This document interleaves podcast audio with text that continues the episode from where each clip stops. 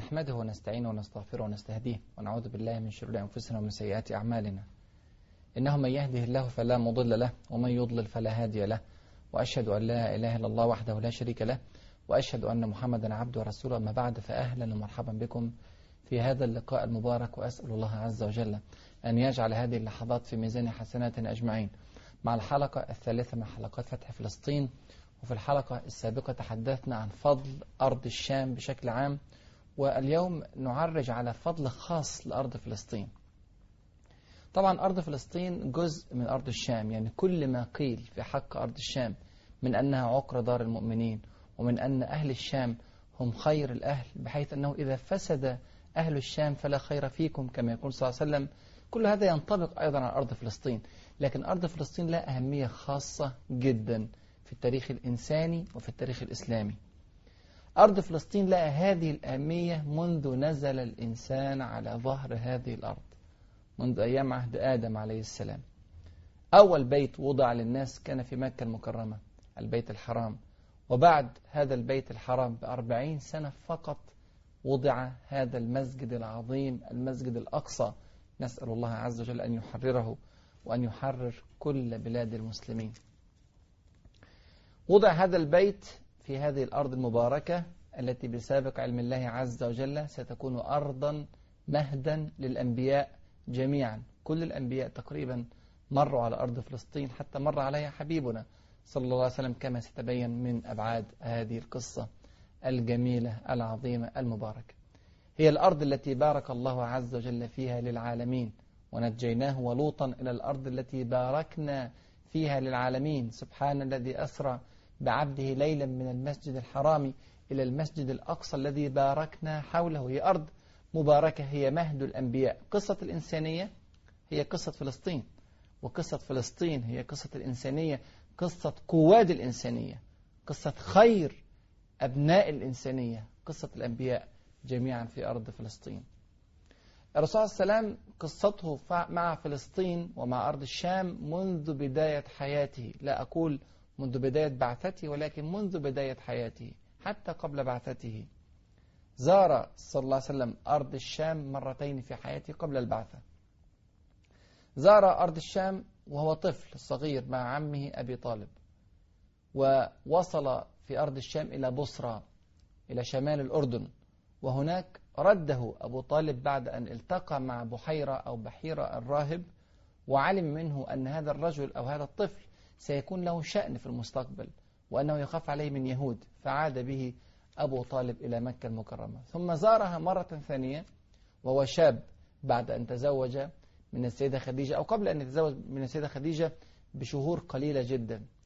ذهب إلى أرض الشام ليتاجر لها في أموالها. وهناك يعني عرفت السيدة خديجة أمانته وصدقه ووفاءه وحسن تجارته وحسن أخلاقه فعرضت عليه الزواج وكان الزواج المبارك من السيدة خديجة رضي الله عنها وأرضاها.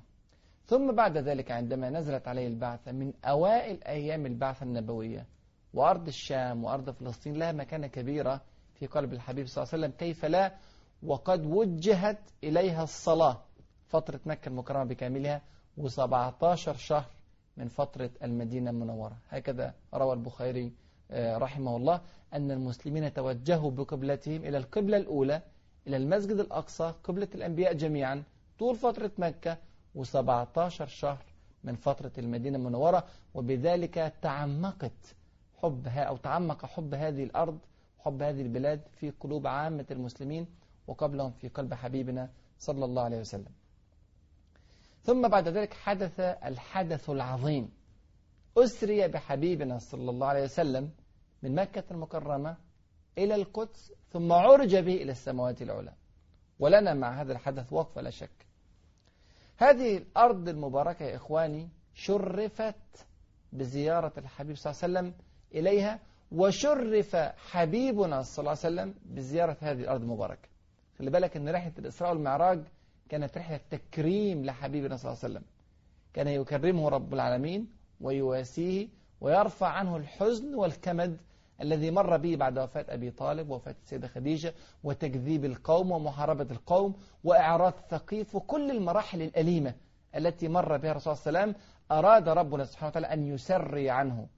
للتسريع عنه ذهب به إلى أرض فلسطين ثم بعد ذلك إلى السماوات العلى.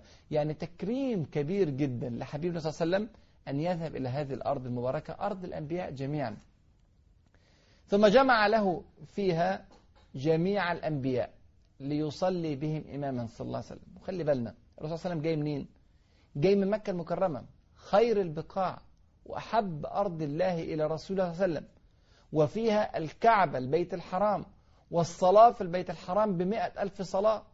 كان من الممكن أن يصلي الرسول صلى الله عليه وسلم بالأنبياء في مكة المكرمة أو يصلي بهم في السماوات العلى حيث سيعرج به صلى الله عليه وسلم.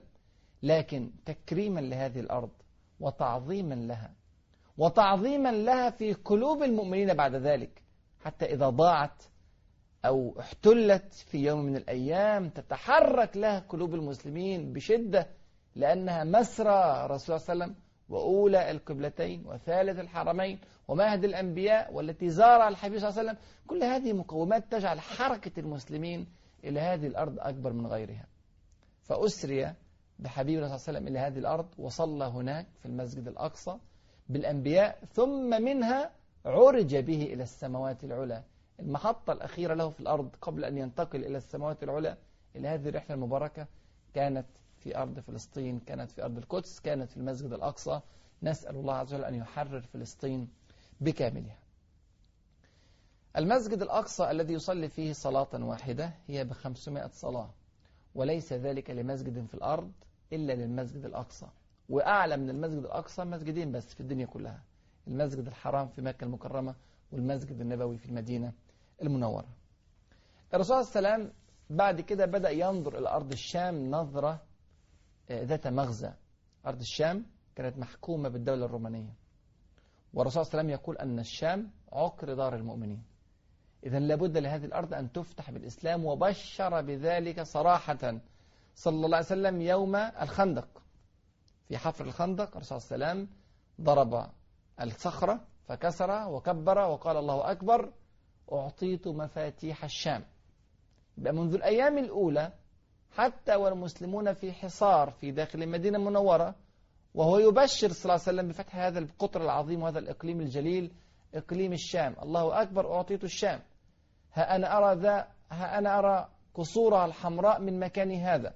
قصور الحمراء قصور الحكم في دمشق في أرض الشام في عقر دار الشام ستكون ملكا للمسلمين هكذا بشر الحبيب صلى الله عليه وسلم. ثم بدأ يرسل الرسائل لملوك العالم بعد صلح الحديبية في العام السادس أواخر العام السادس من الهجرة وأوائل العام السابع من الهجرة. فكان من الذين أرسل إليهم الرسائل هرقل عظيم الروم كما نعلم. أرسل إليه رسالة يدعوه فيها إلى الإسلام كما سنتبين بعد قليل من أبعاد هذه الرسالة. لكنه لم يرسل فقط إلى هرقل في أرض الشام إنما أرسل أيضا إلى ملوك الغساسنة. الغساسنة من العرب من العرب القحطانيين الذين جاءت أصولهم من اليمن. عاشوا في هذه البلاد بعد سقوط سد مأرب وبعد خراب اليمن وانتقلوا إليها منذ قديم الأزل كما نرى. وعاشوا هناك وتكاثروا وتناسلوا عاشوا إلى جوار الدولة الرومانية. بل عاشوا موالين للدولة الرومانية أتباع للدولة الرومانية. لكنهم كانوا يكونون مثل ما يسمى الآن بالحكم الذاتي. لذلك الرسول صلى الله عليه وسلم أرسل رسالة خاصة إلى هرقل وأرسل رسالة خاصة إلى ملك دمشق وأرسل رسالة ثالثة خاصة إلى ملك بصرة هكذا. وكل رسالة فيها دعوة إلى الإسلام.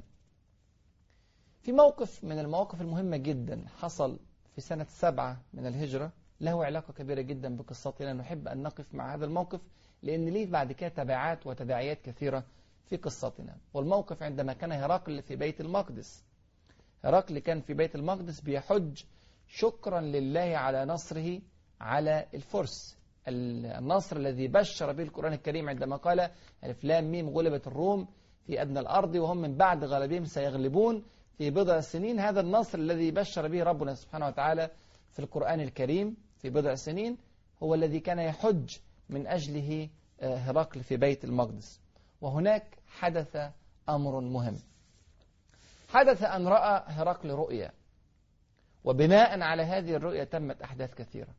رأى أن ملك الختان سيغزو ملكه أو أن ملك الختان سيغزو ملكه. يعني إيه الكلام ده؟ يعني قوم مختونون قوم يكونون يقومون بسنة الختان التي يقوم بها الذكور من أبناء أمة معينة. سيقومون بغزو وفتح هذه الأرض ويمتلكونها من هرقل. هكذا كانت الرؤية. وعلى فكرة الرؤية كان لها دور كبير جدا في الفتوح الإسلامية سواء في فتوح الشام أو في فتوح العراق. الرؤية التي يراها أعداء الإسلام أو الرؤية التي يراها المسلمون. سبحان الله كانت جندي من جنود الرحمن. بناء على هذه الرؤية رؤية أزعجت هرقل جدا. أحضر البطارقة وأحضر القساوسة وحكى لهم الرؤية. فقالوا إن الذي إن الذين يختن يختتنون هم اليهود. ما كانوا يعرفون أن العرب يختتنون. فقالوا إنهم اليهود. فإن شئت خلي بالك من الكلام. فإن شئت قتلناهم. يعني ما تنزعج. نقتل كل اليهود. لمجرد رؤية تحتمل ألف تأويل ما عندهم مانع في قتل الآخر في قتل كل اليهود في الدولة الرومانية تماما كما كان يفعل فرعون قبل ذلك فيقتل كل الأولاد لرؤية رآها. هكذا تعامل الرومان مع الآخر ليجد بعد ذلك أهل الشام واليهود والنصارى وغيرهم الفارق الضخم عندما يدخل المسلمون إلى هذه الأرض المباركة. ترى إيه اللي هيحصل بعد هذه الرؤية؟ ده اللي نعرفه بعد الفاصل. فابقوا معنا.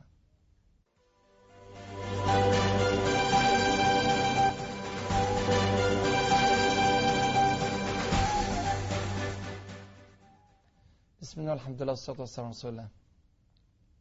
شفنا الرؤية العجيبة اللي رآها هرقل في السنة السابعة من الهجرة وكان في الحج في بيت المقدس. رأى رؤية أن أحد الختان سيملك ملكه والبطارقة والقساوسة قال له أن اليهود هم الذين يختتنون وعرضوا عليه قتل كل اليهود في المملكة الرومانية. لكن هرقل في هذه اللحظة دخل عليه رجل بنبأ عجيب. وسبحان الله انظروا إلى التراتيب الإلهية. ربنا سبحانه وتعالى يدبر الأمور ليحدث حدثا هو أعلم به سبحانه وتعالى. دخل عليه رجل من العرب يقول له إنه قد ظهر فينا رجل يدعي النبوة ويدعي أنه قد أرسل, أرسل إليه من رب العالمين. الراجل ده جاي ليه؟ جاي عشان ياخد عطية أو هدية أو جائزة من هرقل على هذا الخبر. وهرقل يا إخواني وأخواتي كان واسع العلم وكان واسع الذكاء وكان فيه صلاح. تخيلوا. كان فيه صلاح وكان فيه شيء من التقوى لولا حبه للملك ولولا بطانة السوء التي كانت معه. فبمجرد ما شاف هذا العربي ربط مباشرة بين هذا العربي وبين الرؤية التي رآها. فقال جردوه. يعني اخلعوا ثيابه. فنظروا فوجدوه من المختونين. لم يكن يعرف أهل الرومان أن العرب كذلك يختتنون. العرب يختتنون من لدن إبراهيم عليه الصلاة والسلام. هذه سنة إبراهيم من سنن الفطرة من إبراهيم عليه الصلاة والسلام وكان العرب يفعلونها حتى في زمن إشراكهم قبل الإسلام. والمسلمون بالطبع يختتنون سنة لنبيهم صلى الله عليه وسلم. فوجده من المختونين. فقال إن هذا الرجل هو الذي رأيته في الرؤيا. هذا الرجل هو الذي يربط بينه وبين الرؤيا. ابحثوا لي عن رجل من نسب هذا الذي يدعي النبوة في أرض العرب. فبحثوا له فوجدوا في غزة قافلة تجارية عربية. كان على رأس هذه القافلة أبو سفيان. في ذلك الوقت كان أبو سفيان مشركا وكان على عهد مع الرسول عليه السلام كان بعد صلح حديبية. الكلام ده في سنة سبعة من الهجرة. صلح حديبية كان في سنة ستة من الهجرة. أخريات ستة من الهجرة. فجاء أبو سفيان ومعه الرجال القافلة. طبعا الجيش الروماني أحاط بالقافلة قبض عليهم اعتقلهم خدهم لحد قصر هرقل في بيت المقدس وبدأ التحقيق وبدأت الأسئلة. نخلي بالنا من وضع أبي سفيان أمام هرقل. خلي بالنا من وضع هذا الرجل العظيم في قومه. الجليل القدر زعيم قريش بكاملها. يقف ذليلا مسكينا أمام هرقل. هرقل صاحب أقوى قوة في العالم في ذلك الوقت. انظروا إلى وضع أبي سفيان في هذه الحالة. وقارنوا بينها وبين وضع أبي سفيان بعد أن يسلم. بعد أن يصبح رجلا من رجال المسلمين وفارسا من, فارس من فرسان الإسلام وانظروا إلى العزة التي سيضعها ربنا سبحانه وتعالى في قلبه وفي عقله وفي فكره وفي سيفه. عندما يقف ويحفز الناس لقتال الرومان في موقعة اليرموك بعد الإسلام. وقف أبو سفيان أمام هرقل وهرقل حذره من الكذب. هكذا ما استحي أن يخاطبه بهذه اللغة وهو زعيم من زعماء قريش لأن ما قريش في عرف الرومان ما العرب جميعا في عرف الرومان. لا شيء. أمة البؤس والشقاء كما كانوا يسمونها. فحذروا من الكذب وحذر الذين معه من الكذب وقال لهم إن كذب ردوا عليه كذبا. وكان أبو سفيان يقول والله كنت أعلم أنهم لن يردوا علي لكني كنت كنت امرأ أتكرم على الكذب. يعني أستحي أن أكذب. أستحي أن يؤثر علي الناس كذبة. ولذلك صدق هرقل في كل ما قاله. وهذا الصدق سبحان الله كان له مردود كبير جدا على قصتنا. يتكلم أبو سفيان عن رسولنا صلى الله عليه وسلم وكأنه أحد الدعاء الإسلاميين الفاهمين جدا في الدين الإسلامي وفي التاريخ الإسلامي. سأله هرقل أسئلة كثيرة. لا أريد أن أطيل عليكم.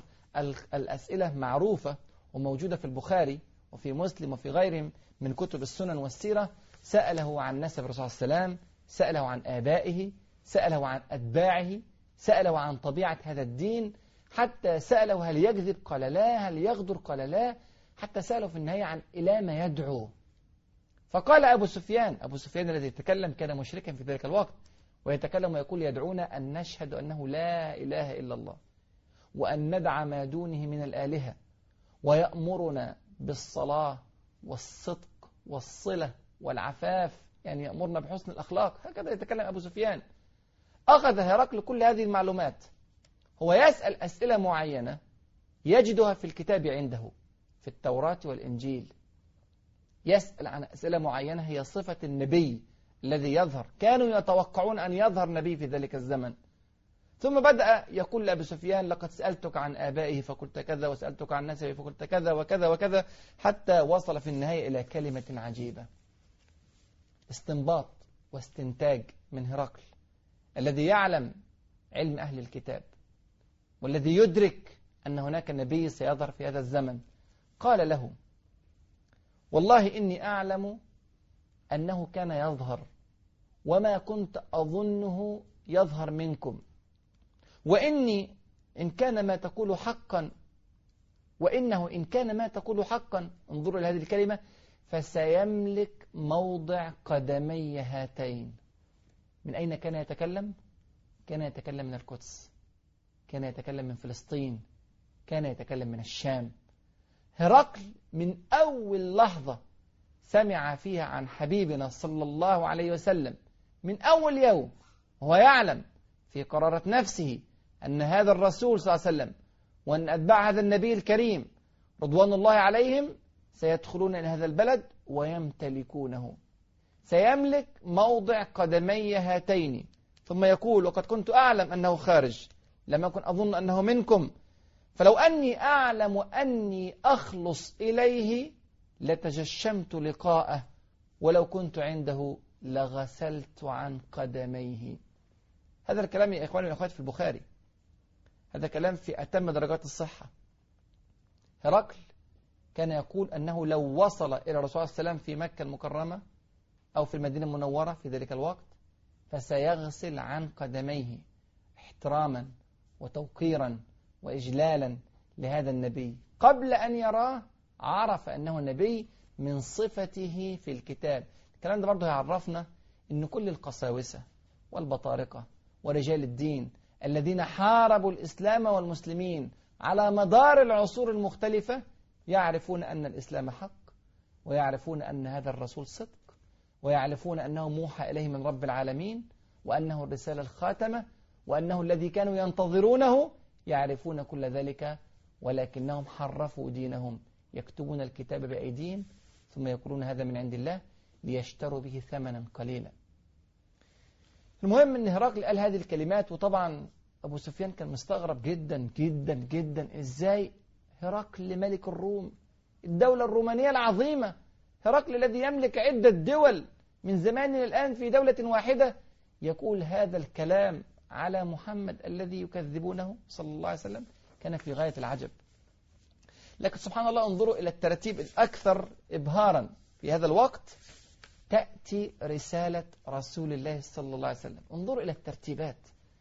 يعني لسه أبو سفيان واقف مع هرقل بيتكلم معاه إيه التوقيت العجيب ده؟ يدخل دحية الكلبي رضي الله عنه وأرضاه يدخل برسالة من رسول الله صلى الله عليه وسلم إلى هرقل ولسه أبو سفيان واقف.